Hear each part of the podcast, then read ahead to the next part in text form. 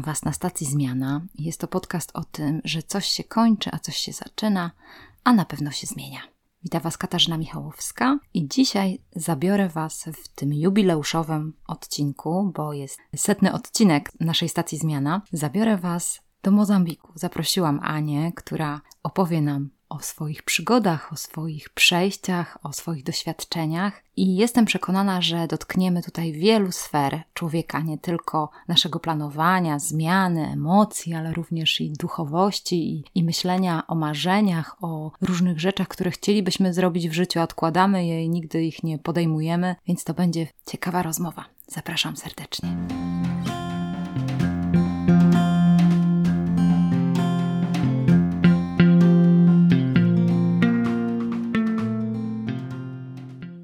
Cześć Aniu.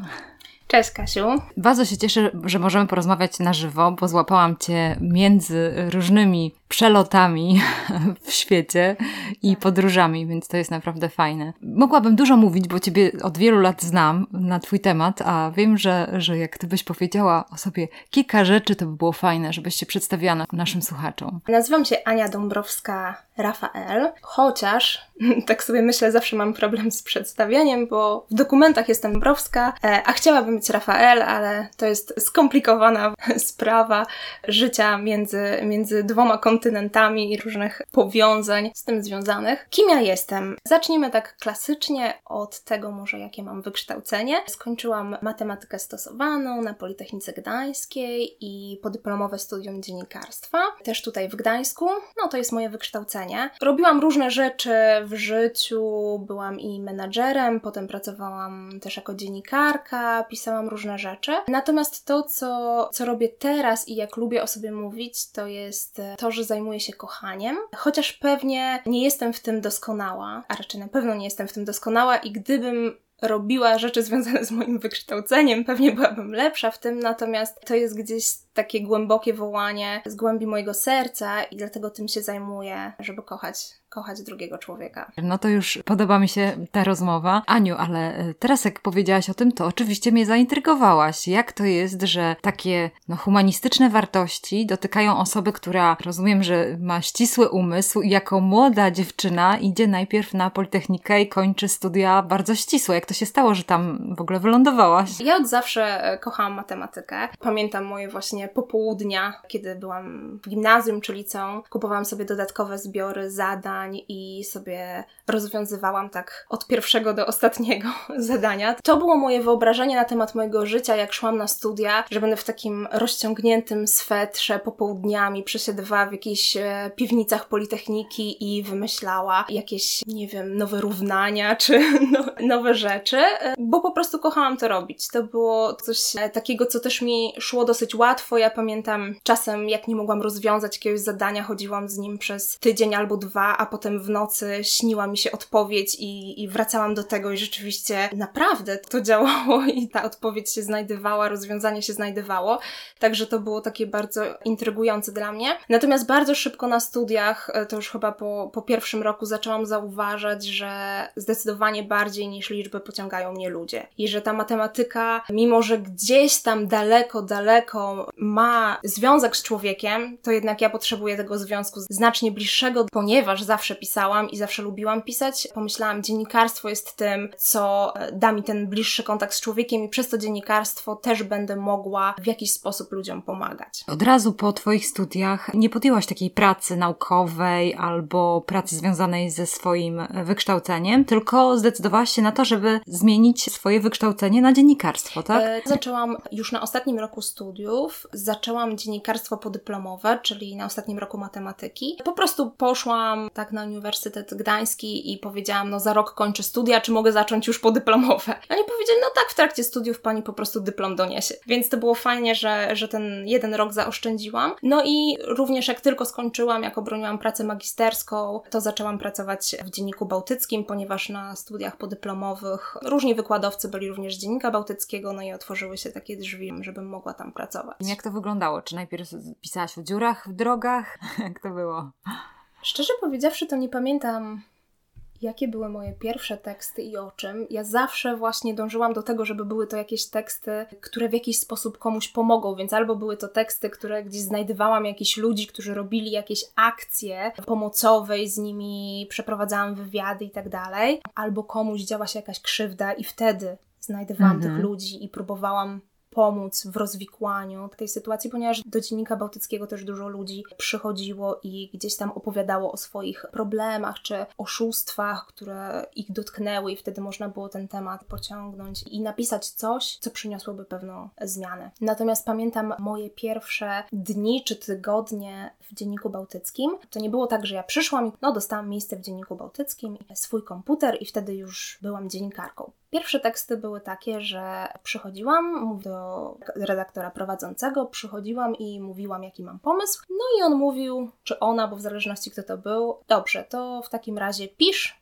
przynieść tekst na jutro. Więc ja z laptopem szłam do pobliskiego parku, gdzieś tam w Gdańsku Głównym, siadałam na ławeczce, laptop na kolanach, albo w jakiejś kawiarni, no i dzwoniłam do ludzi, przeprowadzałam jakieś wywiady, potem ten tekst pisałam na, w tym parku, na tych kolanach, bo czasem miałam też jakieś spotkanie, więc nie chciałam cały czas gdzieś krążyć między Gdańskiem Głównym a domem i tak dalej. No i ten tekst potem wysyłałam. Także moje pierwsze teksty powstawały na... Na kolanie. Na kolanie, tak, na ławce. Dobrze, że wtedy było lato, więc, więc tak, to, tak to wyglądało. Po jakimś czasie, już teraz nie pamiętam, czy to było kilka tygodni, zostałam zaproszona, że to jest twoje miejsce, to jest twój komputer, tutaj możesz siedzieć, także trafiłam e, do redakcji. do redakcji. No i wtedy już troszeczkę praca nabrała tempa, bo to był czas, termin, godzina, wiadomo, i ciągle nowe pomysły, które trzeba było przynosić mm-hmm. na spotkania redakcyjne rano. Właściwie zrealizowałaś Twoje marzenie, filmowe marzenie, bo zazwyczaj w filmach tak przedstawiają pracę dziennikarzy, jak to młoda dziennikarka przychodzi do redakcji, na początku się stara, więc już widzę ten film. Jak to się rozkręcało, bo wiem, że też później zaczęłaś pisać coraz więcej reportaży, bo wiadomo, jeżeli jesteś tak społecznie zaangażowana mm-hmm. i mhm. chcesz zmiany, to prawdopodobnie reportaż będzie najlepszym narzędziem do tego, żeby to przekazać, jak to poszło?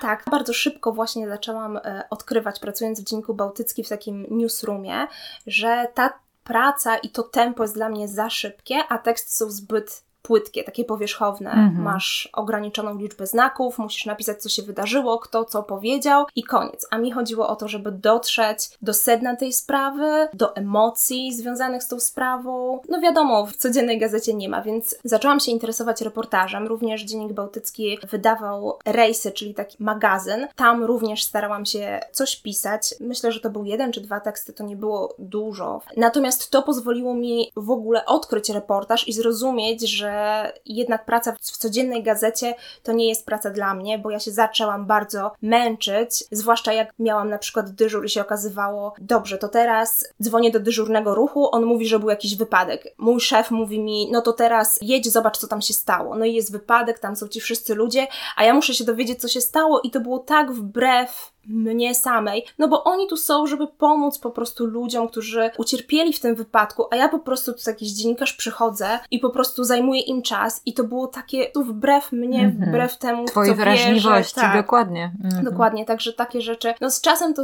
ta praca naprawdę zaczęła wyciągać ze mnie wszystkie jakieś moje siły. No zaczęłam czuć, że tutaj zbliżamy się do jakiegoś końca takiej współpracy. Mm -hmm. No i co dalej? Jak to się, jak to poszło? Ponieważ też w między międzyczasie, pod koniec mojej pracy w Dzienniku Bałtyckim, doświadczyłam takiej osobistej tragedii, ponieważ mój narzeczony odszedł, umarł i to było bardzo trudne doświadczenie i to właśnie doświadczenie tak naprawdę dało mi też odwagę do tego, żeby po prostu zrezygnować z pracy w Dzienniku Bałtyckim, ponieważ nagle moje priorytety zostały zmienione. Nagle zrozumiałam, że inne rzeczy się liczą, nie ma sensu brnąć w coś, co gdzieś tam nie daje ci jakiegoś spełnienia, satysfakcji i tak dalej. Poza tym to ja już nie miałam siły jeszcze w tej sytuacji mm. po prostu zmagać się, walczyć z tak. innymi rzeczami. Więc to był taki czas, kiedy odeszłam i potrzebowałam po prostu przerwy. Zajęłam się taką pracą bardzo niewymagającą, bo takiej potrzebowałam, więc e, zaczęłam pracować w centrum medycznym. W tym czasie dałam sobie po prostu taki oddech. I wtedy zaczęłam słyszeć, gdzieś tam dochodziły mnie słuchy o szkole reportażu, która, czy otworzyła się jakiś czas temu już wtedy w Warszawie, przy kawiarni Wrzenie Świata, którą e, założył Mariusz Szczygieł i Wojciech Tochman. I zaczęłam mieć takie pragnienie,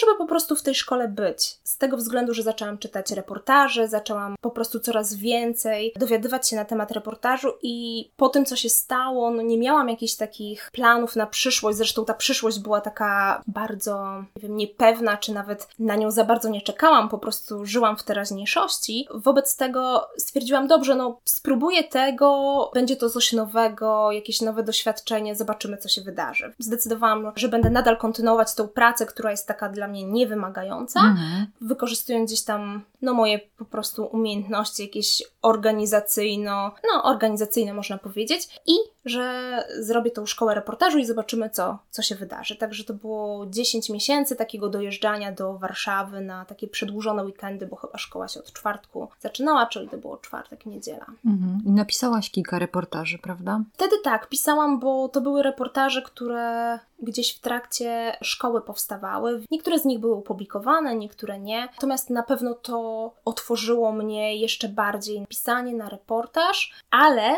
znowu, robiąc to, zaczęłam odkrywać, że nawet zaangażowane takie dziennikarstwo, gdzie pomagam człowiekowi, jest jednak wciąż zbyt daleko od pomagania temu człowiekowi. To znaczy, ja mogę napisać tekst, w którym uświadomię ludzi, albo przez tekst ktoś mógłby mieć pomoc w rozwiązaniu swojej sytuacji, natomiast ja ciągle nie pomagam bezpośrednio i spotkałam się z takim coachem, poprosiłam, poprosiłam go o spotkanie, żeby właśnie pogadać, przegadać, bo ciągle nie mogłam znaleźć tej satysfakcji w życiu. I gadałam do niego, on mi zadawał tylko pytania, ja, ja gadałam właśnie chyba z godzinę i na koniec odpowiedział, aha, no to ty jesteś tym typem osoby, który po prostu musi bezpośrednio pomagać, bo inaczej nigdy nie będziesz miała satysfakcji w życiu. Wszystko jest za daleko. Ty musisz być tą, która właśnie realizuje tą pomoc. Nie, nie może to być za duża odległość między tobą a osobą, która pomaga. I dla mnie to było takie odkrycie, rzeczywiście. Ja zaczęłam pytać siebie, tak sprawdzać różne siebie w różnych sytuacjach i mówię, tak, to rzeczywiście jest to, co mi przyniesie spełnienie, kiedy ja po prostu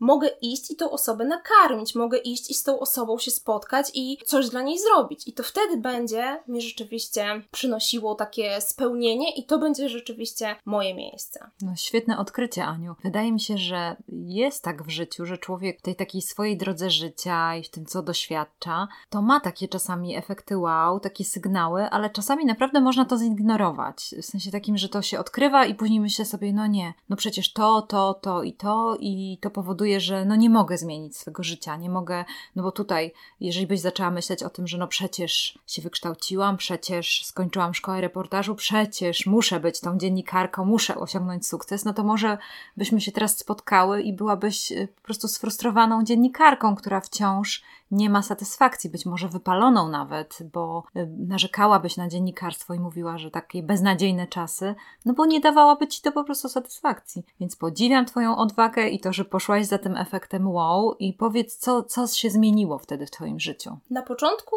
to było tylko odkrycie, mm więc to, co się zmieniło i to, co ja pamiętam, to była jeszcze większa frustracja, bo wciąż byłam w miejscu, kiedy byłam e, menadżerem w firmie medycznej, ale już odkryłam to, że, że to nie jest to, że to na pewno nie jest to. Mhm. Więc czułam taki bardzo duży dyskomfort. Nazwany, nazwany tak. dyskomfort. Dokładnie. E, więc to była sytuacja jeszcze gorsza niż wcześniej. I zaczęłam po prostu gdzieś szukać tego, tych takich opcji, co mogłabym zrobić. A ponieważ e, ja jestem osobą wierzącą i bardzo kocham Pana Boga, i dla mnie to jest najważniejsze w życiu, żeby, żeby iść z Nim i robić rzeczy tak, jak On pokazuje, i po prostu iść razem przez życie. Więc razem z Nim zaczę, zaczęliśmy po prostu gdzieś tam obgadywać i szukać tych przygodę zmiany. Opcji. Tak, dokładnie. I często pamiętam właśnie, jak w moim mieszkaniu po prostu leżałam i płakałam. Już odkryłam to, co jest gdzieś tam moją drogą, ale teraz ja, Panie Boże, potrzebuję wiedzieć, gdzie jakby ty mi pokazałeś, że zmiany, że ale teraz ta zmiana boli, nie? Mhm. I, I jestem pod ścianą. Tak, no. dokładnie. No. Ale tak cały czas miałam takie przekonanie, że ta zmiana przyjdzie, że zmiana po prostu gdzieś zawsze jest bolesna i to jest właśnie pierwsza rzecz w zmianie, że ty zauważasz ten dyskomfort, że zauważasz, że ta zmiana jest przed tobą i dobrze, po prostu poczekaj, po prostu poczekaj, rozejrzyj się. I ja pamiętam wtedy czytałam książkę misjonarki Heidi Baker, która była właśnie misjonarką w Mozambiku i czytając tą książkę, kiedy ona po prostu pisała tam o takim zwykłym kochaniu drugiego człowieka, po prostu byciu z dziećmi, przytulaniu ich i tak dalej. Ja czytając tą książkę, po prostu jakie to jest cudowne, jakie to jest piękne, ja też bym tak chciała. No i stwierdziłam, dobrze, no to zajrzę na stronę misji, którą ona tam ma w Mozambiku, bo książka już powstała tam kilka czy kilkanaście lat temu.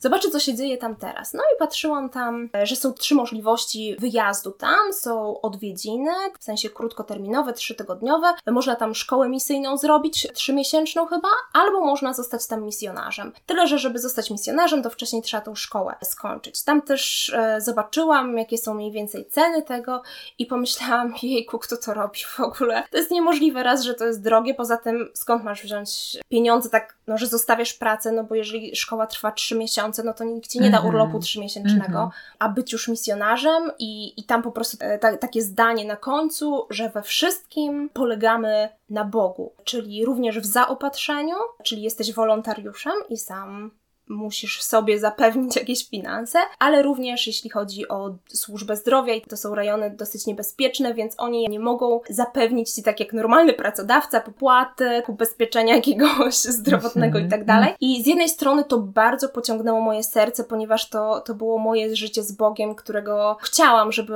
w każdej dziedzinie polegać na nim, a z drugiej strony myślałam właśnie tak jak mówię, kto to robi? To jest niemożliwe. To było takie moje pierwsze spotkanie z tym Mozambikiem. W międzyczasie wcale nie Mozambik mi się pojawił mm -hmm. jeszcze, tylko Łódź. Właśnie. I okazało się, że moja, właściwie wtedy to koleżanka, właściwie wtedy to była dla mnie obca osoba, bo zaczęłam się interesować tematem przeciwdziałania handlowi ludźmi i okazało się, że dziewczyna, z którą gdzieś tam, o której gdzieś tam słyszałam, zresztą my, no właśnie, tak. pod prąd robiłyśmy razem konferencję, tak, prawda, tak, na ten tak. temat, mhm. na temat handlu ludźmi, żeby też uświadamiać młodych mhm. ludzi na temat tego problemu i właśnie jedną z osób, które zaprosiliśmy, to była Daniela Sikora, teraz Daniela Hoppe. Ja ją tak poznałam, a w którymś momencie właśnie ona powiedziała: A, ja zaczynam taką organizację, chcę pomagać kobietom, które właśnie wychodzą z tego handlu ludźmi.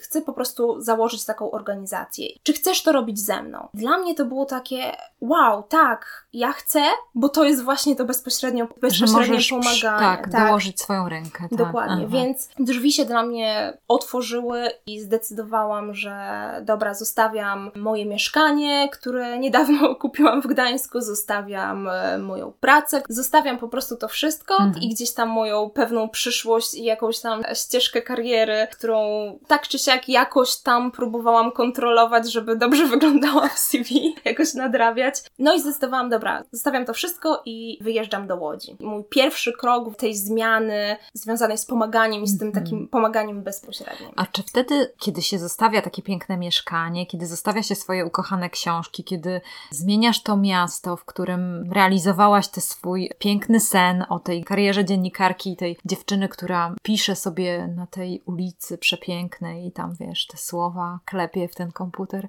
to co się dzieje wtedy w człowieku, kiedy tak zostawia to i myśli sobie, jejku, czy ja tu jeszcze wrócę? Czy ja tu jeszcze będę? Pamiętasz te myśli? Czy to była raczej hej przygodo? Nie, na pewno nie było hej przygodo i wtedy jeszcze pamiętam, bo jak zaczęłaś mówić, to wspomniałaś o książkach i wtedy jeszcze wszystkie książki zabrałam ze sobą, jeszcze nie potrafiłam i wiele rzeczy, wiele rzeczy zostawiłam w piwnicy w Gdańsku, ale książki jeszcze wszystkie zabrałam do Łodzi, nie potrafiłam się z nimi rozstać. Ale wrócimy do tych książek, tak. dzisiaj wrócimy, tak, tak. Myślę, że to był taki miks emocji. Ja chyba najbardziej czułam tą taką niepewność związaną z taką głupią decyzją, że zostawiam pewną pracę, pewne pieniądze i mhm. idę w coś, co jest takie nie wiadomo, no bo zaczynanie jakiejś organizacji nigdy nie wiesz, jak to się tam potoczy. Może być fajnie, a może będzie tak, że za pół roku wszystko zamkniemy. Nie wiesz, jak to Mhm. będzie. Natomiast takie miałam przekonanie w sercu, że to jest rzeczywiście moja droga i że to są drzwi, które Pan Bóg przede mną otworzył, że mimo wszystkich tych mieszanych emocji ja nie miałam żadnych wątpliwości, żeby, żeby to zrobić. Zresztą też wszystko tak się układało i ja też bardzo często rozpoznaję w ten sposób prowadzenie Boga, że jeżeli On otwiera gdzieś ci drzwi, to rzeczywiście daje zaopatrzenie, więc i mieszkanie nagle się pojawiło i ludzie, którzy no, pomagali mi i się przenieść, e, także wszystko było jakby terminy cudownie zgrane i to jest właśnie taka jedna z takich rzeczy, że ja wiem, że to, co usłyszałam od Pana Boga i to, co zdecydowałam, że dobrze, to w takim razie idę za Mhm, tym, mhm. że to jest też to. No właśnie, to jest też ciekawe, co mówisz o tym, to tak jak Cię znam, Aniu, Ty tego potrzebowałaś. Potrzebowałaś takiej opieki, troski, bo są tacy ludzie, którzy są tacy jak Jakub, którzy lubią tak sobie wywalczyć, nie? Więc Tak, to tak. nie jest norma, nie? To, To nie jest prawda. jakby zasada, Mhm. że to tak będzie. I tak jak myślę, w jakiej Ty byłaś momencie życiowym, po takiej dużej stracie, bo to tylko tak Ania powiedziała nam mm, delikatnie, ale to było bardzo trudne doświadczenie straty bliskiej osoby. Bóg tutaj cię prowadził i zaprowadził cię do tej łodzi. Jak to było z tym przytulaniem? Z przytulaniem tych kobiet? Czy te kobiety zranione da radę, da radę w ogóle przytulić? Czy to poszło, czy nie poszło? No na pewno nie było to tak łatwe, jak mi się wydawało Mhm. na początku, to znaczy no gdzieś tam... Wyobrażam sobie. Tak, tak, że wydaje ci się, że rzeczywiście po prostu ty tutaj przychodzisz, pomagasz i że ktoś jest tak bardzo wdzięczny za tę Właśnie, pomoc. właśnie. Chociaż nie dlatego to robisz, no ale gdzieś tam ty jesteś tym tak wzruszony, że możesz po prostu przynieść tą odpowiedź, a okazuje się, że no nie, to nie było takie łatwe, ponieważ było tam, przez ten cały czas, kiedy ja tam byłam, było kilka czy kilkanaście dziewczyn, z którymi miałam okazję być, spędzać czas, ale no to są osoby, które są po bardzo dużych przejściach i to nie tylko chodzi o to, że one doświadczyły gdzieś tam w tym momencie jakiejś traumy. Dlatego one się w ogóle znalazły w tym miejscu traumy, ponieważ już od dzieciństwa żyły w jakichś innych traumach. Były w domu, w którym był alkohol, albo były zostawione na ulicy bądź w domu dziecka. Różne rzeczy się działy. Tak naprawdę, jak spotykasz taką osobę, to ona ma tyle różnych trudności w życiu i to się przekłada też na relacje z innymi ludźmi oczywiście, więc no to nie wyglądało tak klasycznie, takie właśnie przytulanie i tak dalej. Oczywiście były takie momenty i były takie fajne momenty, kiedy mogłyśmy spędzić razem, ale najczęściej to była gdzieś tam ciężka praca i, Mhm. i miałyśmy naprawdę trudne sytuacje, kiedy jedna dziewczyna na przykład po prostu wyszła któregoś dnia z domu i, i nigdy nie wróciła, bo oczywiście no każda osoba, no to jest ośrodek, ale ma Jest wolna. wolność, tak? To Mhm, nie jest mhm. zamknięty. No ta osoba ma wolność. Że była jedna dziewczyna, która po prostu przedawkowała gdzieś tam leki. Były takie dziewczyny bardzo często, które po prostu też zmyślały historię, nas oszukiwały, żeby właśnie otrzymać jakąś pomoc. Także z tym też było związanych wiele zranień, które my, będąc w tej organizacji, jeszcze z innymi osobami, po prostu doświadczyłyśmy różnych zawodów i zranień. No co, jest naturalne, bo jeżeli wybierasz ścieżkę pomagania, to niestety ta ścieżka pomagania nie jest taka, jak to człowiek sobie wyobraża, jak jest młody, że to tak właśnie będzie wyglądało. Dokładnie. I mi się wydaje, że jest taki proces w tym pomagaczu, że z tego fokusu na mnie i na to, co ja czuję, żeby tak naprawdę mądrze pomóc, żeby mądrze pokazać tą miłość i, i być mądrym po prostu w pomocy. A to wcale nie może oznaczać naszego komfortu, czy tego, że się my dobrze poczujemy, prawda? Dokładnie, to w ogóle nie, Mhm. nie chodzi o nas. No myślę, że to się tak zaczyna, bo to my odkrywamy tą taką naszą potrzebę, że tak, my chcemy pomóc, że my, że my właśnie tak jak mówiłam, że to jest coś, możemy to nazywać powołaniem, możemy to nazywać jakąś wewnętrzną potrzebą, tak, ale Mhm. to jest coś takiego właśnie w nas, więc od nas wychodzimy. A potem jest zderzenie z rzeczywistością. Tak, ale wiesz co, Aniu, to od razu mi przypomina w kontekście zmiany taką sytuację, że załóżmy, jeżeli ktoś odkryje, że ma, y, tak jak się mówi, że dziecko jest takim, od razu tak patrzą na dziecko, mówią, to będzie dyrektorem.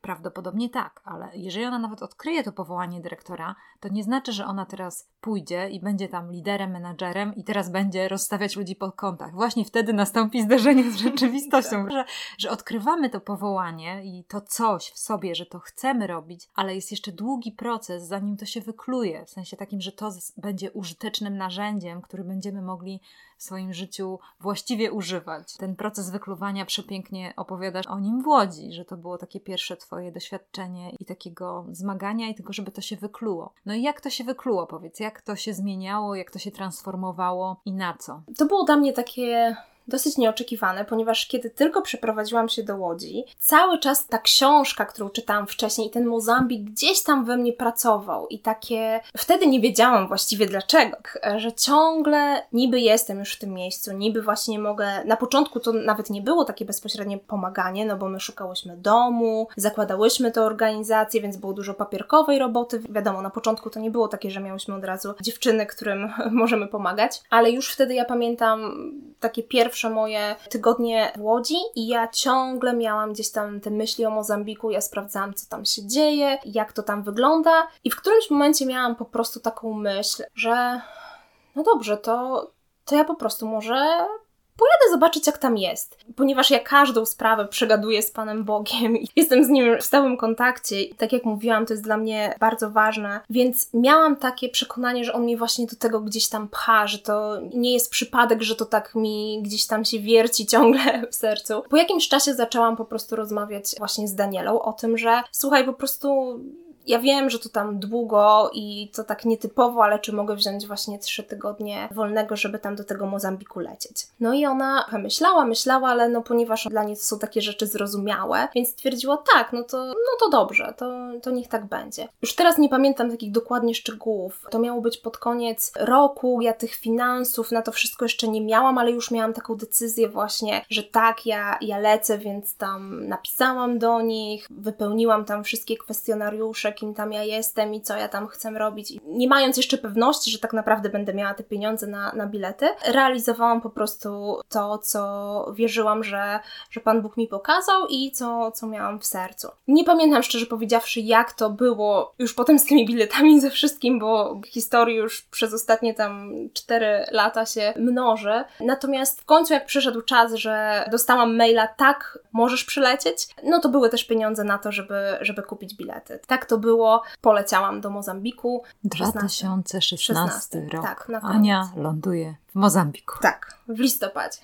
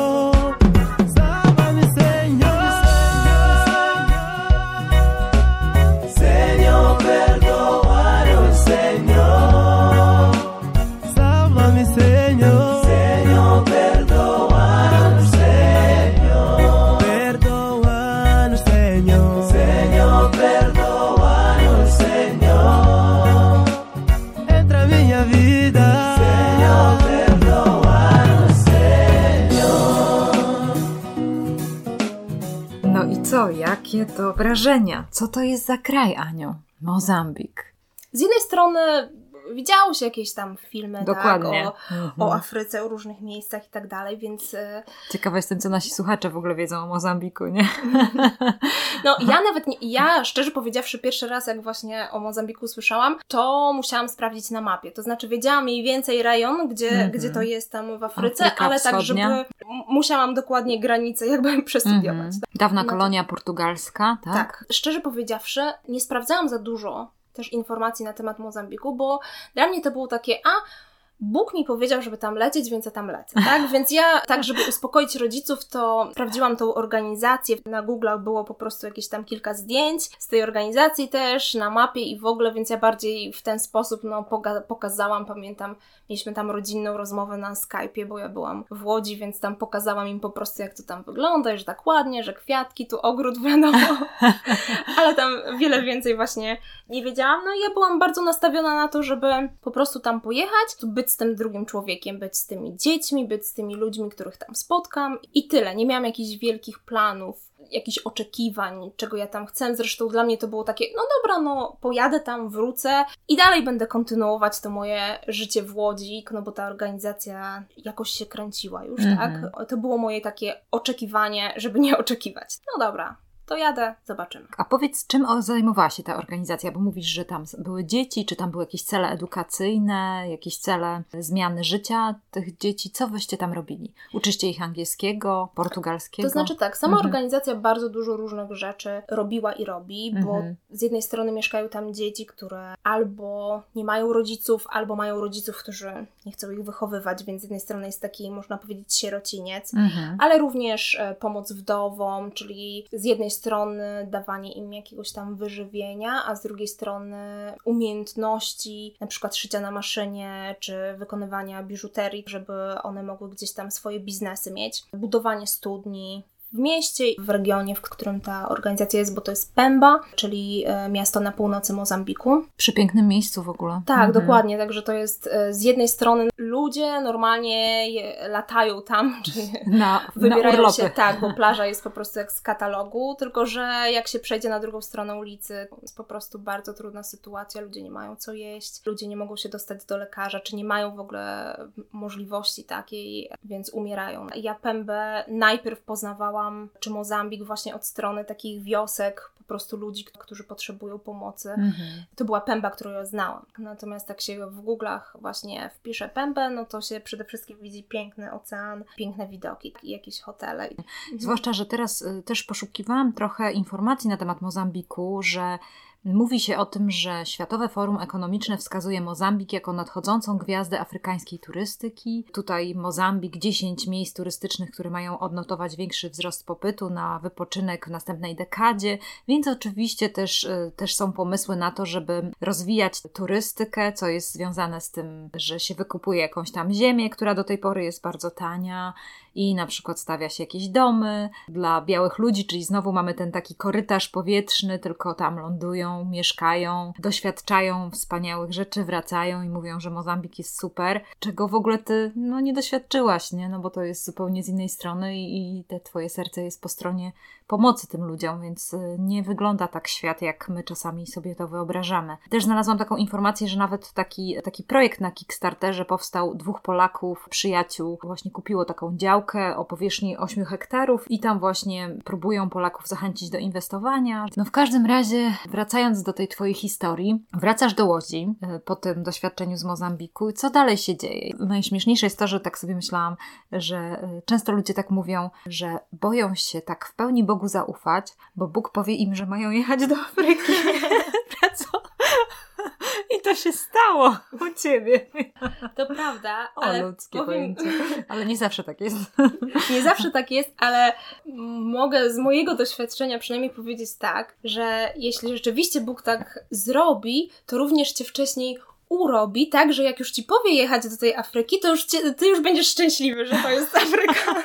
Czyli tak jest w Twoim przypadku, Tak. dokładnie. Dokładnie, bo to, co się stało we mnie, ja pamiętam przez te dwa i pół tygodnia, to tam właśnie pomagałam, chodziłam, spotykałam się z różnymi dziećmi, jeździliśmy w różne miejsca, ale ostatnie trzy czy cztery dni, będąc tam, miałam takie przekonanie, żeby po prostu zostawić wszystko, zostawić to całe pomaganie i po prostu spędzać czas z nim. I to było dla mnie bardzo też takie konfrontujące, bo myślałam, no ale jak to? Przecież ja tu przyjechałam pomagać, więc jak ja mogę po prostu siedzieć w jednym miejscu, spotykać się z nim, no ale przecież mogę też po pomaganiu się z nim spotkać, tak? Nie muszę, czy przed, nie muszę po prostu siedzieć całe dnie. Ale to okazuje się był czas bardzo potrzebny. I pamiętam jeden taki moment, siedziałam właśnie pod taką wiatą wybudowaną z takiej cegły, ale też e, dach z trawy, to się nazywa gazebo. I po prostu byłam z Panem Jezusem, rozmawiałam z nim o co chodzi w tym przyjeździe, albo nie rozmawiałam, po prostu byliśmy razem. I w pewnym momencie coś takiego się we mnie stało, i to jest po prostu niezaprzeczalne do dziś, że nagle Mozambik stał się moim domem. Że nagle ta moja cała tożsamość, że ja jestem Polką, że ja mieszkam w Polsce, że to jest dom, nagle siup w jednym momencie się zmieniła. I ja jestem z Mozambiku. Jak to? Przecież to jest niemożliwe. Ja jestem tutaj dwa i pół tygodnia. Nie wiem tak naprawdę nic o tym kraju. Co z tego, że spotkałam trochę ludzi, co z tego, że kogoś tam przytuliłam. No, nie mogę tego nazwać moim domem, a jednak w moim sercu to jest mój dom. Więc odczucie niezaprzeczalne. I takie też przekonanie, że ja tutaj wrócę w związku z tym. Więc tak jak zadałaś mi tam pytanie, co było dalej i jak z Łodzią, wróciłam do Łodzi i wiedziałam, że już nie należę do tego miejsca. Że to Mhm. po prostu nie tylko do Łodzi, ale nie należy do Polski. I to znowu był taki trudny czas dla mnie, bo znowu jestem w jakimś miejscu Nie chcę być i tutaj. nie chcę tutaj być. A już nie mówiąc o tym, że znowu teraz wyjazd do Mozambiku to nie jest wyjazd do Łodzi. To jest coś Mhm. znacznie bardziej skomplikowanego, jeśli chodzi i o finanse, ale też o taką zmianę po prostu życiową. Odległości od rodziny, jakiegoś zorganizowania mojego życia tam. To było mnóstwo wyzwań. To, co zaczęłam robić, to po prostu znowu spotykać się z Bogiem, rozmawiać o tym, o tym, jak się bardzo boję. Z jednej strony wiem, że jest to we mnie pragnienie, a z drugiej strony potrafię wymienić bardzo racjonalne powody, dlaczego nie powinnam tego zrobić. Mhm. I dlaczego to jest takie Mhm. trudne. Także był to taki czas dla mnie, początek tego właśnie kolejnego roku 2017, kiedy byłam znowu w tym miejscu zmian nadchodzących, ale to już była dla mnie naprawdę taka góra, której nie potrafiłam przeskoczyć. W pewnym momencie znów, będąc Bogiem, przyszła do mnie taka pewność, że powinnam pojechać do tej szkoły, o której czytałam w tej książce wcześniej, tej organizacji szkoły, która tam trwała około trzech miesięcy, która też kosztowała bardzo dużo, bo to było chyba 3000 dolarów plus loty i to ja nie miałam odłożonych tych pieniędzy, nawet części tych pieniędzy. Mhm. Więc wszystko, co miałam, to było to, że wierzyłam, że Bóg rzeczywiście to we mnie umieścił, to pragnienie, że to jest Jego droga dla mnie.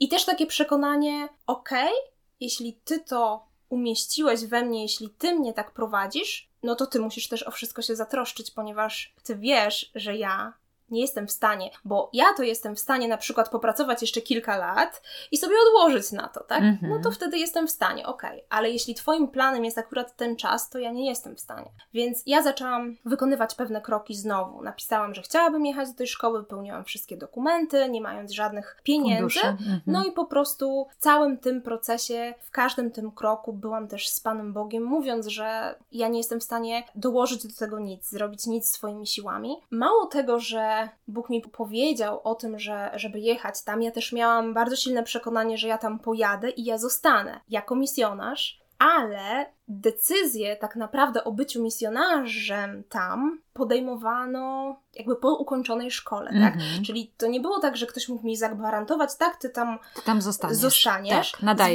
zwłaszcza, się. że- Możesz się nie nadawać. no dokładnie, oni mają jakieś, poza tym, oni mają jakieś określone rzeczy, które mają otwarte, że tak powiemy, miejsca, obszary, w których potrzebują misjonarzy. To nie jest tak, że po prostu sobie przyjedziesz i będziesz misjonarzem, to znaczy będziesz robił Mhm. co? Że nie? czekają, czekają Tak. tam na ciebie. Wcale tam nie już, czekają. Już nie mówiąc o tym, że samą tą szkołę to było około 300 osób, dwa razy w roku. Mhm. I wiele osób chciało być tam misjonarzami. To było też takie łamanie mnie, ponieważ ja opowiadałam ludziom, że ja po prostu jadę do tej szkoły, a potem tam zostanę. Mhm. E, I to było dla mnie też takie przerażające z jednej strony w środku mnie po prostu, a z drugiej strony to było tak silne we mnie, że nie byłam w stanie po prostu milczeć na ten mm -hmm, temat, tak? Mm -hmm. Opowiadać, co, co Bóg robi w moim tak, życiu, tak? Tak, to nawet jest takie trudne, wiesz, Aniu, jak e, się tego słucha, bo tak myślę sobie, jedna sprawa, tak sobie, tak się wczuwam w naszych słuchaczy, no na pewno brzmi to jakoś abstrakcyjnie. Z drugiej strony myślę sobie tak, no też abstrakcyjnie brzmi, jeżeli czytamy gdzieś tam, że Jezus uzdrowił tego, który nie widział od urodzenia. Jeżeli to się dzieje, ktoś naprawdę spotyka Boga, to po prostu tak jest i już. I to jest tak ciężko to zakwestionować, co mówisz, bo jeżeli wiele ludzi ci mówiło, no weź się ogarnij i co ty wymyślasz, no przecież to, to i to i tamto, no to ty naprawdę musiałaś mieć jakieś takie wyraźne w sobie, no chcenie, pragnienie, żeby zmienić swoje życie, więc to nie może być coś takiego, że to jest takie zwyczajne, że Ania sobie wymyśliła, tylko to już musi być trochę ponadnaturalne, no bo musisz mhm. przejść te wszystkie nie, które słyszysz, załóżmy od rodziców, od y, przyjaciół czy cokolwiek, nie? Od tych, którzy mogą mówić, że no, no gdzie? No jak mhm. to możliwe? Mhm. Przecież ty jesteś Polką, a nie. No dokładnie. A nie z Mozambiku. No dokładnie, tego się po prostu nie da wytłumaczyć. To tak samo jak ja czasem opowiadam komuś właśnie o życiu z Bogiem, o, o Jezusie i o tym, jak można go znać i poznać. Zawsze mówię, że ja nie jestem w stanie ci tego przetłumaczyć. Życie z Bogiem to nie jest tak naprawdę jedna z decyzji, które możesz sobie podjąć na zasadzie takiej, że no wybieram, to będzie mój światopogląd na przykład, mm-hmm, że, mm-hmm. że chrześcijaństwo i teraz pytam chrześcijan jak żyć i to będzie mój wybór. Nie, ponieważ to jest realne spotkanie z Bogiem, nie możesz mu zaprzeczyć, mm-hmm. tak? I to powoduje, że chcesz. Jeżeli ty masz podjąć decyzję, że chcesz być e, członkiem grupy chrześcijan, to ja ci powiem nie bądź po prostu, bo to nie ma sensu, to nie jest tak. Po to prostu, nie jest relacja, tylko jest członkostwo. Relacja. No dokładnie, to nie o to chodzi. Więc tutaj w mojej drodze jest tak samo. To było coś, co on we mnie zrobił i za czym ja po prostu zdecydowałam się iść i to wynika z relacji właśnie z nim, a nie z jakiegoś pomysłu na życie, które -hmm. gdzieś tam miałam. No. no i rozumiem, z powodu tych doświadczeń, o których mówiłaś i tego doświadczenia wcześniej, tego, że coś się w tobie zmieniło, jeżeli chodzi o ten Mozambik, że twoja tożsamość była inna, decydujesz się, żeby pojechać do tej szkoły, gdzie jest tam dużo chętnych i niekoniecznie tam zostaniesz, z taką myślą, że co, że już tam zostaniesz? Zamykasz wszystkie sprawy w Polsce? Tak, dokładnie. it. Tak mhm. zrobiłam. Zrezygnowałam z wynajmu mieszkania z Łodzi. Wszystkie moje rzeczy przewiozłam do piwnicy do Gdańska. I tutaj książki. Rozdałaś. książki. Książki albo rozdałam, a mhm. tych, których nie rozdałam, to po prostu oddałam tak. do. I takim sposobem musimy Wam powiedzieć, właśnie wracamy do tematu książek, bo Ania tutaj jest u mnie i nagrywamy ten podcast i spotkała swoje książki, bo Kasia Michałowska wzięła od niej część książek. Tak, dokładnie. A w ogóle tak. o tym nie, nie pamiętałam, także cieszę się, że jakieś reportaże że tutaj krążą po świecie. Tak, tak, czekają na ciebie i możesz się z nimi spotkać. No w każdej chwili, jak przyjedziesz do Polski, to możesz usiąść sobie ze swoimi książkami, do nich wrócić, więc no ciekawe to jest. Tak, to prawda. Nic to im się prawda. nie dzieje, są ładne, czyste i do poczytania. No tak, czyli zamknęłaś swoje sprawy i lecisz. I lecę. Bo wspomniałam o mieszkaniu, ale też zrezygnowałam no, z pracy w tej organizacji. No i lecę. No i lecę i jestem tam. I tak naprawdę nic się nie dzieje. To znaczy, dzieje się to, że mamy spotkania, mamy różne wykłady, mamy różne takie wyjścia do wiosek i tak dalej, czyli no wszystko jest skoncentrowane wokół misjonarskiego życia, czyli z jednej strony no po prostu Twojej relacji z Bogiem, mamy też dużo czasu na to, żeby, żeby być z Nim, a z drugiej strony właśnie jak poznawać tą kulturę, jak pomagać mądrze i tak dalej. Tak to wyglądało, ale ja z drugiej strony ciągle miałam tą myśl, że ja wiem, że ja tu zostanę. Mhm. Spotkałam tyle osób, które mówią, że one chciałyby tu zostać. Co prawda, mhm. nikt z nich nie mówi, że ja tu zostanę, bo my mieszkaliśmy w takich domkach po kilka osób. Pierwszego wieczoru, kiedy się spotkaliśmy, każdy tam opowiadał, jakie są jego plany, no cokolwiek. No ja mówię, a ja tu przyjechałam, ja tu zostanę, nie? Więc wszyscy tak na mnie patrzą. Aha. Dziwna. tak, zwłaszcza, że jedna z naszych takich opiekunek, że tak powiem, bo każdy dom miał swojego opiekuna przydzielonego, ona tam od lat przyjeżdżała, była częścią tej organizacji i ona miała no, doświadczenie i wiedziała, jak, jak wiele osób tak naprawdę mówi właśnie, że tu zostanie albo chce zostać, a tak naprawdę to tak wracają na przykład po wielu latach albo nigdy nie wracają. Mhm. Więc, więc tak to wyglądało. W którymś momencie mieliśmy sobie wybrać miejsca, w których chcemy podczas pobytu tam pomagać, tej organizacji. Idę, tam jest cała taka tablica, co mogłabym robić. Ja tak patrzę, czy z dziećmi, czy z wdowami, czy coś tam, a tu właśnie słyszę, jak Bóg do mnie mówi w biurze finansowym, żebym tam poszła. Ja mówię, jak, zaraz, zaraz, zaraz, jak to w biurze finansowym, czy tam w finansach? Jak ja miałam ludzi przytulać. No właśnie, co ja tam będę, co ja tam będę robić, kogo ja tam będę przytulać. No więc próbowałam zignorować ten, moje całe doświadczenie matematyki i tak dalej. Już zostawiłam bardzo dawno za sobą, więc nie.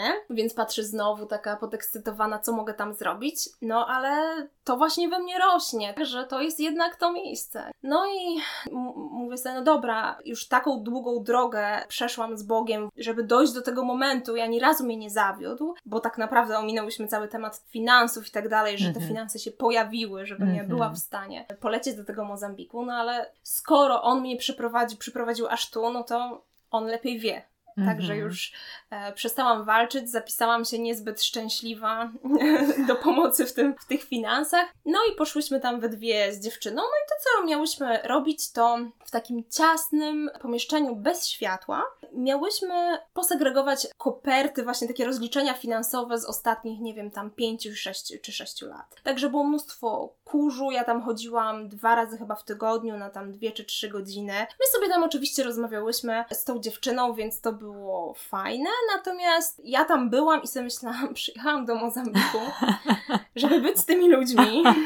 Podjęłam tyle kroków w moim życiu i ja po prostu przykładam jakieś papierki, gdzie mogłabym być w wiosce i być z ludźmi, tak? No po prostu tak, e, jakiś tak. żart ale jednocześnie opowiadałam i tej dziewczynie, i wszystkim ludziom wokół, jak tam już jesteśmy, że no ja chciałabym tu zostać i tak dalej, i tak dalej. No i usłyszał to właśnie szef tego biura finansowego i poprosił mnie na rozmowę. I zgadaliśmy się, że no oni potrzebują osoby, która miałaby właśnie im pomagać w tych finansach, w tych rozliczeniach wszystkich, a ja jestem z wykształcenia po matematyce, więc mogłabym rozważyć, żeby tam być. No więc ja pytam, od kiedy? Oni mówią, no możesz nawet zostać od razu po szkole. Mhm. I dla mnie to było takie, wow, mhm. tak, czyli Czyli to się dzieje, to jest mm -hmm. po mhm. prostu Czyli się mogę dzieje. tu tak, zostać. Mogę tu zostać. I oczywiście było to moje jakieś takie znowu pytanie, jak to zrobić? Przecież ja nie przyjechałam tu, żeby siedzieć w biurze. Mm -hmm. Natomiast po rozmowie z nimi i takim otwartym powiedzeniu, co tak naprawdę ja chciałabym robić, okazało się, że ja wcale nie będę siedziała 8 godzin w biurze, będzie to mniej. Oprócz tego mogę mieć również inne aktywności. Wtedy tak to wyglądało i ja tylko zdecydowałam, że wrócę do Polski na miesiąc, żeby jeszcze no, spotkać się z rodziną i tak dalej, bo potem planowałam, że zostanę tam około 10 miesięcy. Generalnie tam się podpisywało takie na dwa lata zobowiązanie, ale 10 miesięcy, które trzeba było spędzić tam i potem można było mieć jakiś tam urlop, więc zdecydowałam, że najpierw powlecę do Polski, także to było takie niesamowite, że jak wylatywałam z Mozambiku po tej szkole, to ja już miałam bilet z Polski kupiony do Mozambiku z powrotem, który tam mhm. będzie za półtora miesiąca. Mhm. Także że to było niesamowite dla mnie samej po prostu doświadczenie, jak Bóg prowadzi i jak po prostu warto z Nim być. To I jest... wtedy mogłaś pokazać wszystkim niedowiarkom, no zobaczcie, myliliście się, ja miałam rację. A myślę, że tak, tak Nie, żartuję, oczywiście. Taki żart. Ale rzeczywiście to było takie dla mnie samej, jak leciałam, jejku, to się stało, jejku, ty naprawdę to powiedziałeś i to się stało i mhm doświadczałam po prostu różnych rzeczy z Bogiem, ale na takiej znacznie mniejszej skali. Tutaj to było to takie wielkie w moim życiu, ale też to było takie, no właśnie to poczucie spełnienia, to o którym kiedyś się dowiedziałam, że będę mogła po prostu być mhm. z drugim człowiekiem i, i bezpośrednio mu pomagać. I to właśnie się działo w moim życiu. Naprawdę niezwykła opowieść. Aniu, od razu mi się przypomina Mojżesz i to, że Bóg mu powiedział, że będzie liderem i wyprowadzi wspaniale naród, a on później 40 lat pas owce. I tylko smród owiec, smród owiec, 40 lat. Więc może tak. się zdarzyć w naszym życiu, że coś odkryjemy, ale nie wydarzy się to od razu. Nie wydarzy się to takimi sposobami, jak my byśmy sobie to wyobrażali, albo taką drogą, jak my byśmy sobie to wyobrażali wyobrażali, bo te drogi mogą być zupełnie, zupełnie różne.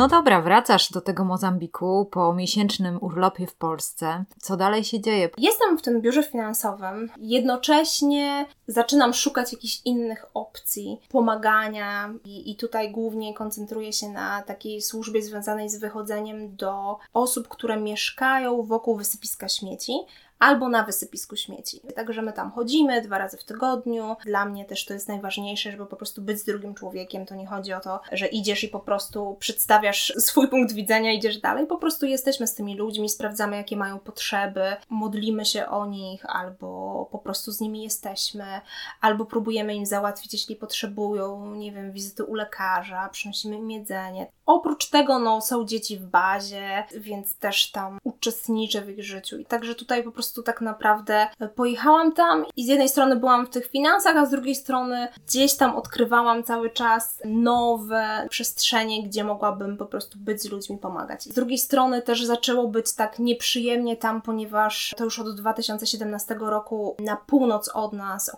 zaczęły dochodzić słuchy o narastających atakach terrorystycznych, które islamscy ekstremiści zaczęli tam przeprowadzać, więc zaczęło się robić również w pębie troszeczkę niebezpiecznie, więc też trochę takie nasze życie wokół tego zaczęło się kręcić, ponieważ, no wiadomo, jakiś tam -hmm. pokój mm -hmm. i rzeczy z tym związane. Więc tak wyglądał mój pierwszy rok w Mozambiku, również w związku z tym anulowali nasze wizy, więc ja musiałam nagle wylecieć do RPA i tam spędziłam chyba około dwóch miesięcy, zanim udało mi się wyrobić kolejną wizę, taką której rząd Mozambiku oczekiwał ode mnie i wrócić. I wrócić. Także to był taki mój pierwszy rok w Mozambiku. No jednocześnie tak naprawdę jeszcze jak pierwszy raz byłam po, w Mozambiku, poznałam mojego przyszłego męża, no tylko wtedy, no to nie było tak, że poznałam go i a, to będzie mój, mój mąż. Raczej wręcz zawsze się śmieję, że było odwrotnie, bo sobie myślałam, jejku, jaki gbur po prostu.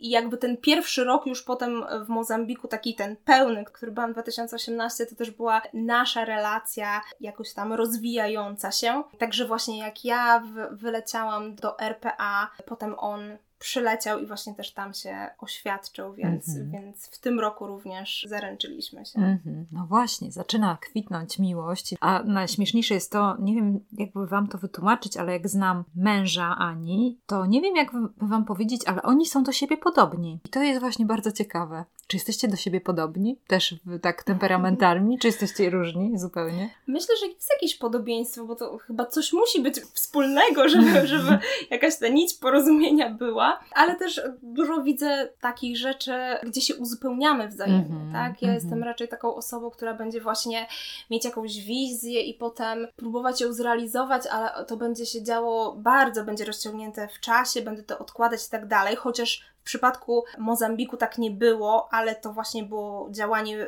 wbrew moim naturalnym, że tak powiem, obdarowaniom i jakiś tam temperamentom, charakterowi, dlatego, dlatego tym bardziej to było dla mnie oczywiste, że to nie ja, a Bóg to robi. Natomiast to nie jest takim działaczem, czyli ja powiem, że myślę, że to czy tamto, a on od razu przechodzi Działa. do działania. Mm -hmm. Także to jest super na przykład w mm -hmm. tym uzupełnienie. Bardzo fajny team, dokładnie. Tak, dokładnie. W którym roku się pobieracie, Aniu? W 2019, mm -hmm. czyli nasza pierwsza podróż do Polski, wspólna, która też była zupełnie cudem. Toni dostał wizę, a normalnie słyszeliśmy, że to wcale nie jest tak łatwo dostać wizę do Polski, zwłaszcza, że wtedy no nie byliśmy w żaden sposób, no wiadomo, że jak masz męża, no to łatwiej jest dostać wizę do Polski, a to mhm. po prostu był Mozambijczyk i mój brat go zaprasza, no ale okazuje się, że no po prostu Poszliśmy, a pan mówi, proszę wizę ode odebrać za tydzień, tak? Czy tam za dwa tygodnie. My gotowi tu na jakieś przesłuchanie, żeby no pytać, a co pan będzie tam robił, a dlaczego, a w ogóle. Nie, po prostu mm -hmm. proszę odebrać wizę. Także no było... dobrze.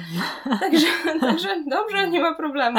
Poleciliśmy do Polski, wylądowaliśmy 24 grudnia, czyli wprost na kolację wigilijną u mojego brata. To było pierwsze zderzenie wówczas mojego narzeczonego z, z polską gościnnością, kulturą i Boże Narodzenie Narodzenie, esencja po prostu.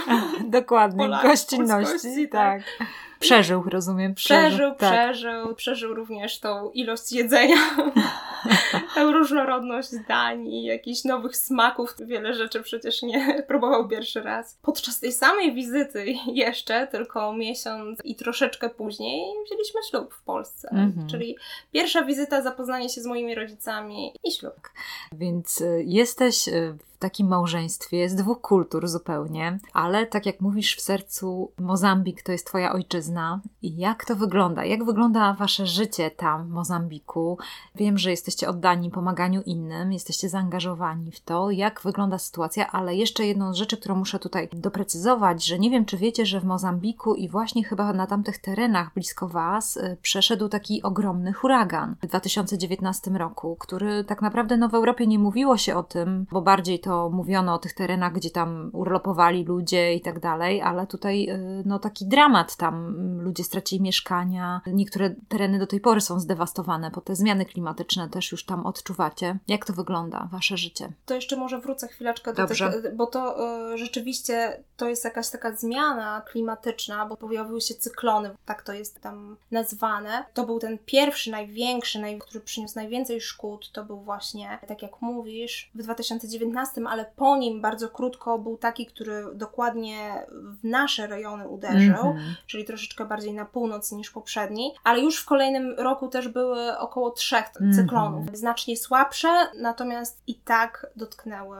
Tak. Odbudujesz się, no to później znowu to zabiera No e, dokładnie. mie- mieszkanie no już- i tak dalej. No i Mhm. też zależy jakie domy, tak? Bo my byliśmy akurat podczas przejścia cyklonu byliśmy w murowanym domu, więc my aż tego tak nie odczuliśmy. Dopiero tak naprawdę jak wyszliśmy poza, e, następnego dnia rano zobaczyliśmy jak wiele szkód to spowodowało. Jak już poszliśmy do wioski, to już się okazało, jejku, to po prostu coś ci ludzie musieli przeżywać tutaj. Mhm. Wiele z nich właśnie się schroniło w szkole na przykład, która jest też również przy tej, Murowana. przy tej organizacji murowana, więc wiele osób znalazło tam schronienie. A jeżeli ktoś ma domek tam z gliny i bambusowych patyków i tak dalej i dachy jakiejś jednej warstwy metalu, no to wiele osób po prostu te domy zostały zmiecione, tak? Tak. ponieważ tam też nie ma dróg, tylko są błotniste po prostu piasek, no to wszystko płynęło. No niestety no te skutki tego cyklonu tam no, były katastrofalne. U nas by znacznie, że tak powiem, lepiej to pewnie wyglądało, gdyby to, nie wiem, zdarzyło się w Polsce, tak? Ze Mhm. względu na to, jak ludzie mieszkają, jakie są Tak, jaka jest tak infrastruktura No, i tak dalej, więc tak to Mhm. wygląda, że ludzie w jednej chwili tracą wszystko. No, Więc dokładnie. naprawdę podejrzewam, że wtedy obszar pomocy jest, no, jest to aż niemożliwe, bo pamiętam, że robiłaś taką akcję też, y, którą y, tutaj Polacy mogli się włączyć, bo ty tam byłaś, więc Mhm. wtedy mogliśmy też finansowo wesprzeć, bo to też jest ciekawe, że jak Ania tam jest, no to jednak ta pomoc, wiemy, że ona tam idzie, że to nie jest taka pomoc rządowa. Przekazywaliśmy jakieś środki, żeby tam ludziom pomagać. Też byliście tam razem zaangażowani w to, prawda? Mhm. Tak, właśnie pomoc w Mozambiku tak naprawdę trochę zależy od tego, co się wydarzy. Przynajmniej my do tej pory tego doświadczyliśmy. Jak przeszedł cyklon, no to byliśmy bardziej skupieni na tym, żeby rzeczywiście tym ludziom, którzy ucierpieli na tym, pomagać. Ostatni rok to było skupienie na przesiedleńcach, czyli osobach, które przemieszczają się z północnego Mozambiku, gdzie, jest, no, gdzie po prostu są Ataków. ataki terrorystyczne. Mhm. Ludzie tam są po prostu wyżynani i oni po prostu masowo pieszo idą kilka dni przez jakiś burz albo przypływają łódkami właśnie do Pęby czy jeszcze bardziej na południe. No i oni po prostu zaczynają tam mieszkać, tak koczować. I to było właśnie nasze odkrycie, kiedy my przylecieliśmy pod koniec zeszłego roku. Przylecieliśmy do Mozambiku już z naszym synkiem, bo właśnie w Polsce rodziłam i potem poleciliśmy do Mozambiku. Pierwsze nasze takie myśli były, dobrze, no to zobaczmy, co się dzieje w okolicy. Tu idźmy do tych ludzi w okolicy, po co mamy gdzieś tam jeździć daleko? Zobaczmy, co się dzieje wokół nas. I wtedy właśnie odkryliśmy, że ludzie mieszkają pod drzewem, pod plandekami. Zaczęliśmy z nimi rozmawiać i okazało się, że oni uciekli e, z terenów północnych i tutaj nie mają nic. Mhm. Mieszkają sobie pod drzewem. Często to jest też niesamowite, właśnie mozambicka gościnność, że po prostu ktoś otwiera swoje podwórko, swój dom i cała rodzina może zamieszkać. I to nie jest, że to jest o, moja rodzina, więc ja ją wpuszczam. Nie, to są po prostu ludzie, którzy potrzebują pomocy. To Tak. jest u nich takie znacznie bardziej rozszerzone. My tak naszych domów aż nie. Tak, że na przykład pozwolilibyśmy na to, żeby w ogrodzie zamieszkała rodzina, Mhm, prawda? I no zbudowała dokładnie. sobie jakiś dom, Mhm. który zresztą Ania pokazywała na zdjęciach, dom z papieru tak naprawdę, bo jak oni mają teraz żyć? Muszą wybudować sobie jakieś domostwo. Tak, najczęściej to są właśnie domy, które oni no po prostu z plantek takich e, sobie budują i gdzieś tam właśnie takich bambusowych patyków. Aczkolwiek tak jak właśnie mówisz, natknęliśmy się na jeden dom i to dla mnie było takie niesamowite, że bardzo ładna konstrukcja, tyle że z kartonowych pudełek po e, jakieś opakowania po oleju i jakichś takich różnych rzeczach. No ale wiadomo, mieszkanie tam nie jest komfortowe, więc to jest chyba pierwsza rodzina, której zdecydowaliśmy się wybudować dom już taki drewniany, można Mhm. powiedzieć. Tak? No to jest bardzo ciekawe, bo zaczęliście pomagać, zobaczyliście tą potrzebę i wyszliście z inicjatywą. Jak to zrobić, żeby wybudować komuś dom, Aniu? To nie jest takie łatwe. No na pewno i dla nas też nie było to łatwe i to w ogóle nie był na początku ani nasza intencja, ani nasz pomysł. Tak jak mówię, zaczęliśmy chodzić wokół, rozmawiać z tymi ludźmi, sprawdzać czego potrzebują. To jest właśnie też bardzo duże ułatwienie, kiedy ja jestem z moim mężem i jeszcze z naszym synkiem, że my po prostu wchodzimy w jakąś tam społeczność, nie wchodzimy z, z pozycji takiego o białego człowieka, który przychodzi, no dobra, no to ja coś tutaj zrobię, tylko mhm. jest ta droga troszeczkę taka nieformalna. Nieformalna, można powiedzieć trochę niżej, tak, taka po prostu wśród tych ludzi, że my jesteśmy jedną z rodzin, która tam mieszka. Oczywiście oni widzą, że jestem biała i dla nich to znaczy pieniądze. pieniądze. Tak. Przychodzenie tak jako rodzina do rodziny zdecydowanie mhm. daje większe pole i ułatwia też takie odkrycie tego, co oni potrzebują, co rzeczywiście jest. No i Toni, mój mąż, wie, czego oni potrzebują, jak oni żyją, jaki jest standard ich życia, co jest tak naprawdę tym, co oni potrzebują, tak. a czymś, co próbują od nas gdzieś tam wyciągnąć. wyciągnąć. Tak. Więc, więc zaczęliśmy po prostu rozmawiać i którymś momencie pojawił się taki pomysł, nawet ludzie zaczęli do mnie pisać, którzy gdzieś tam na Facebooku widzą moje posty, że a może zbudujemy dom, zbudujemy dom, ale dla mnie to było, ale jak zbudujemy dom? Przecież to nie jest ich ziemia. Sytuacja w Pębie jest bardzo niestabilna, może być tak, że za miesiąc wszyscy będziemy się wyprowadzać jeszcze bardziej na południe, ale gdzieś tam po jakimś tam rozeznaniu tematu, jaki typ domu moglibyśmy wybudować, e, po rozmowie też z lokalnymi władzami, czy oni się zgadzają, e, żeby wybudować dom albo na rządowym terenie, albo zaczęliśmy też rozmawiać z właścicielami tych domów, tych podwórek, gdzie te rodziny się zatrzymywały, że a co jeśli byśmy postawili tutaj taki drewniany dom? I okazało się, że wszystkie drogi są otwarte, że jest to możliwe do wykonania, że koszt takiego domu w zależności od wielkości to by było około 2000 zł i że jest to możliwe, więc stwierdziliśmy, mhm no dobrze, spróbujmy, po prostu spróbujmy. I napisałam o takim pomyśle na Facebooku i okazało się, że też ludzie chcą pomagać, ludzie z Polski czy z innych krajów chcą pomagać i chcą rzeczywiście inwestować w co, żeby ten dom mógł powstać. Także finanse też się na to znalazły i tak powstał pierwszy dom, drugi dom, trzeci dom, także w tym momencie to jest takie nasze główne skupienie. E, na pewno zostawię naszym słuchaczom kontakt też do Ani, jej Facebooka, bo warto ją śledzić też na Instagramie. Ania pisze, wysyła fotografie, e, też jak, jako dziennikarka pisze takie felietony, gdzie trochę mówi o swoim życiu, trochę mówi o tych doświadczeniach doświadczeniach, pomagania. Też pisze o tym, że to nie jest takie proste, bo ludzie są różni, niektórzy są roszczeniowi, sprawiają problemy, ale jeżeli ktokolwiek z Was miał doświadczenia z pomaganiem innym ludziom i